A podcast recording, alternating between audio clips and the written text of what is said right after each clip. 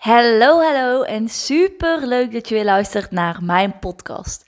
Mijn naam is Bente en ik zie het als mijn missie om jou te helpen stappen te zetten richting jouw droomleven. En met mijn podcast wil ik je daarmee helpen. En in deze podcast heb ik het dan ook over mindset, de wet van aantrekking, gezondheid en nog veel meer. Dus als je dat interessant vindt, stay tuned. en Waar ik het eigenlijk vandaag, eigenlijk gisteren al over wilde hebben, maar ik had even niet de tijd. Ik vond de tijd even niet meer, of in ieder geval, ik heb de tijd er niet meer voor genomen om uh, nog even voor te gaan zitten. Maar uh, dat is de kracht van mindset. En dat mindset alles bepalend is. Want of jij nu denkt dat je het kunt, of dat jij nu denkt dat je het niet kunt, jij hebt altijd gelijk. Mindset is echt alles bepalend. En hoe ik daar nou weer bij kwam. Um, ik had eigenlijk twee dingen. Ik was een boek aan het luisteren. Um, the Day Your Life.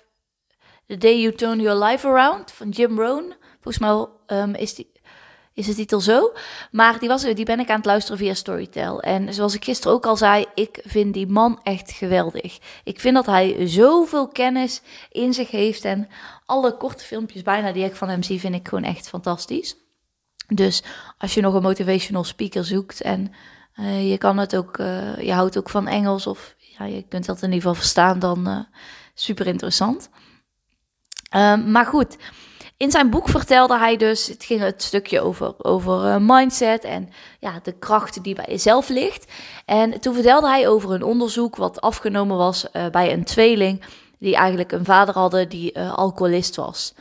En um, nou, toen hebben ze die tweeling hebben ze zeg maar gevolgd in hun leven. En die ene zoon ging helemaal het pad van de vader achterna. Dus die werd ook de alcoholist. En die sloeg ook zijn kinderen. En weet je, die cycli die werd helemaal zo vervolgd. En um, als die dan ook werd geïnterviewd, zei hij van... Ja, weet je, het zit in de familie. Mijn vader deed het ook zo. En dit is wat ik ken. En, en uh, de andere man van de tweeling, die... Uh, ja, ging, kreeg uiteindelijk een eigen bedrijf. Uh, die had ook kinderen, maar ging op een heel andere manier met zijn kinderen om. En aan hem werd in een interview ook gevraagd van, ja, weet je, hoe, je, hoe komt het nu dat jij de persoon bent die je nu bent geworden? En toen zei hij, omdat ik anders wilde zijn dan mijn vader. En uh, Jim Rohn vertelt dan in zijn boek van, weet je, dit is eigenlijk een soortgelijke situatie. Het zijn twee kinderen van dezelfde vader met dezelfde vader als voorbeeld. En de een gebruikt, ziet het als excuus, omdat mijn vader zo was, ben ik nu ook zo. En de ander ziet het als reden, omdat mijn vader zo is, wil ik het graag anders doen. En besluit die persoon om het anders te doen. En voor mij is dat ook heel bepalend met hoe jij in het leven staat. En dat betekent niet dat jij altijd positief bent, maar twee mensen kunnen dus naar eenzelfde soort situatie kijken. En dan kom je meer weer met, weet je, wij denken dat we de werkelijkheid zien, maar wij zien alleen onze werkelijkheid. Wat wij zien is altijd onze lens met hoe wij naar de wereld kijken. En tien mensen kunnen naar hetzelfde schilderij kijken en iets anders zien. En ik denk dat dat iets is wat we nooit moeten vergeten. En tegelijkertijd dat onze mindset is hoe wij zelf in de race staan, hoe wij zelf in het leven staan, in de wereld staan, dat dat zo bepalend is voor onze mate van succes. En dat het heel goed is om daarin ook, weet je, denk aan dat voorbeeld. Vind je een reden of vind je een excuus? En volgens mij, met die specifieke woorden heb ik ook ooit een podcast opgenomen. Toen ik uh, meedeed aan een 10 kilometer ren hier in Etteleur. En uh, kijk, er zijn natuurlijk heel veel mensen die besluiten om niet mee te doen. En die zeggen dat ze het niet kunnen. En toen was er iemand die eigenlijk zonder looprek niet kon lopen. Maar wel die 10 kilometer deed. En toen dacht ik ook, ja, weet je, dit is het. Sommige mensen vinden een reden om het te doen en anderen vinden een excuus. En allebei de dingen is oké. Ik zeg niet dat het excuus dat dat slecht is, maar het is wel bepalend voor jouw mate van succes, voor hoe jouw toekomst eruit ziet. En um, ja, ik was dus dat boek aan het luisteren en toen um, kreeg ik eigenlijk tussentijds een gesprek met een collega van mij. En uh, toen kregen we het over het volgende verhaal.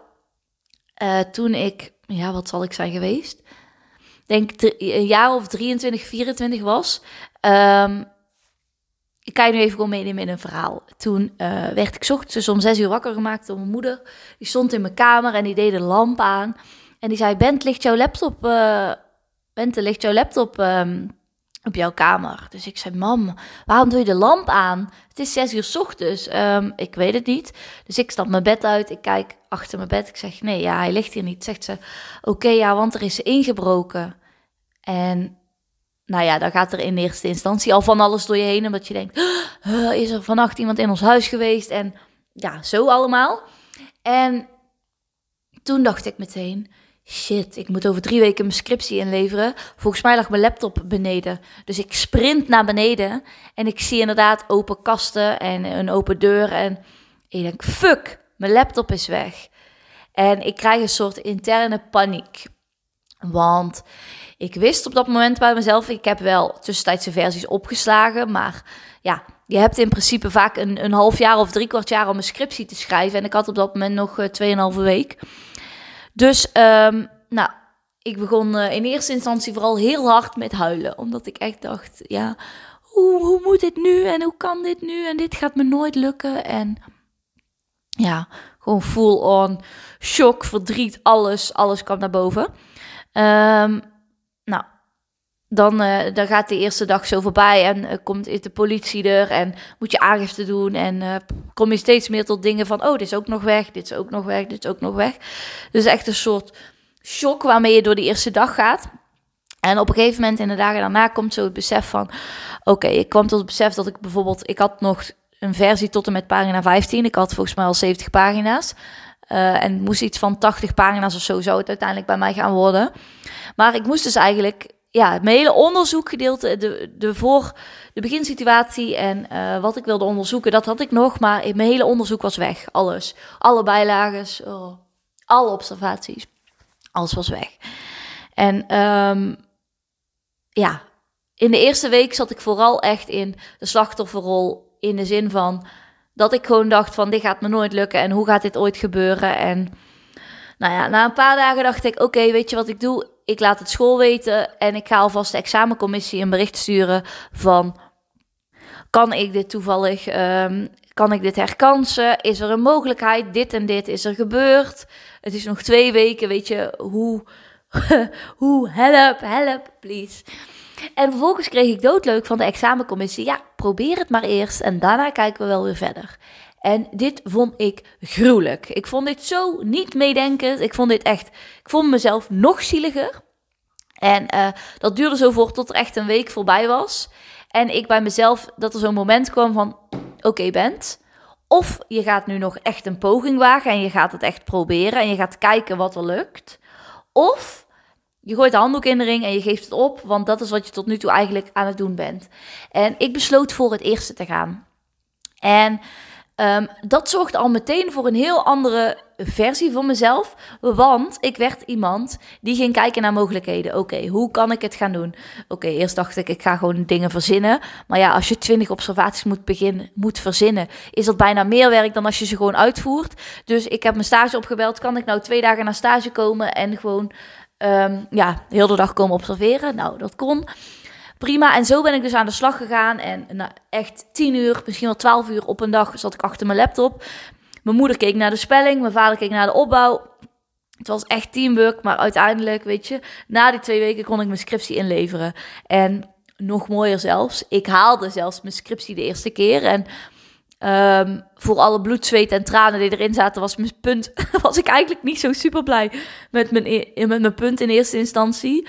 Maar tegelijkertijd was ik ook echt zo blij. En vind ik het nog steeds echt zo'n masterlijk verhaal voor iets waar ik dus zes maanden de tijd voor had. En ook dacht dat ik daar zes maanden voor nodig had. Dat ik het, ja, drie kwart, 80 procent in twee weken deed. En niet in de zin van oh Bent, wat heb jij dat nou toch goed gedaan? Of uh, kijk mij eens even. Maar wel, je mindset is echt alles bepalend. En in die 2,5 week ben ik door alle fases gegaan. En zijn er eerst alle klote emoties geweest. En dat is ook denk ik hoe de wet van aantrekking um, werkt. En hoe je naar dingen kunt kijken van... eerst is het goed altijd om je emoties te, er te laten zijn, ook al zijn ze dan negatief en zwaar. Want heel vaak denken mensen van, oh ja, de wet van aantrekking is alleen maar het positief denken en je emoties mogen er niet zijn. Dat is absoluut niet waar. Laat je emoties er zijn. Het is ook even een teken dat je even wat verder van jezelf wegstaat of stond. En als ze er dan zijn geweest, kies dan ook weer voor een pad waar jij wel naartoe wil. En um, ja, ga dan weer aan de slag met wat jij wel wil. En dat is wat ik in die twee weken vooraf heb gedaan. En uh, gisteren vertelde ik dat verhaal aan iemand en dacht ik wel weer, was het voor mezelf weer zo'n reminder van, oh ja, dat was voor mij echt zo'n moment van, weet je, je mindset is alles bepalend. En nadat ik dat met eh, een collega had gedeeld, dacht ik, ja, was ik weer verder eigenlijk het boek aan het luisteren. En toen zei Jim Rohn ook van, weet je, dat is ook het verschil tussen een amateur en een pro. Uh, op momenten dat bijvoorbeeld een amateur een wedstrijd net op het nippertje verliest, dan zal die amateur misschien denken van ja, oké, weet je, voorlopig geen wedstrijden meer voor mij, want ik heb weer verloren. Of um, zal een amateur denken van ja, zie je wel, ik heb verloren.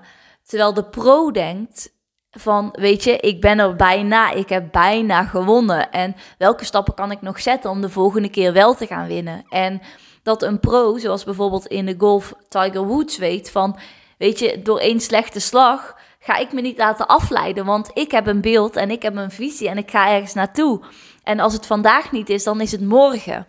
En die visie is uiteindelijk, die visie, die mindset is uiteindelijk wat de amateurs van de pro's onderscheidt. En um, zonder dat ik daarmee weer het negatieve en het positieve tegen elkaar wil zetten. Er is wel een verschil. Want er zijn maar heel weinig mensen die het uiteindelijk echt maken. En maken, dat kan zijn echt in de sportwereld, in de acteurwereld, in, in welke wereld dan ook. Maar het kan ook zijn gewoon in het alledaagse leven. Sommige mensen hebben echt elke dag het geluk dat er. Of het gevoel dat er geluksmomentjes in elke dag zitten. En er zijn ook heel veel mensen die het gevoel hebben dat het leven ze overkomt.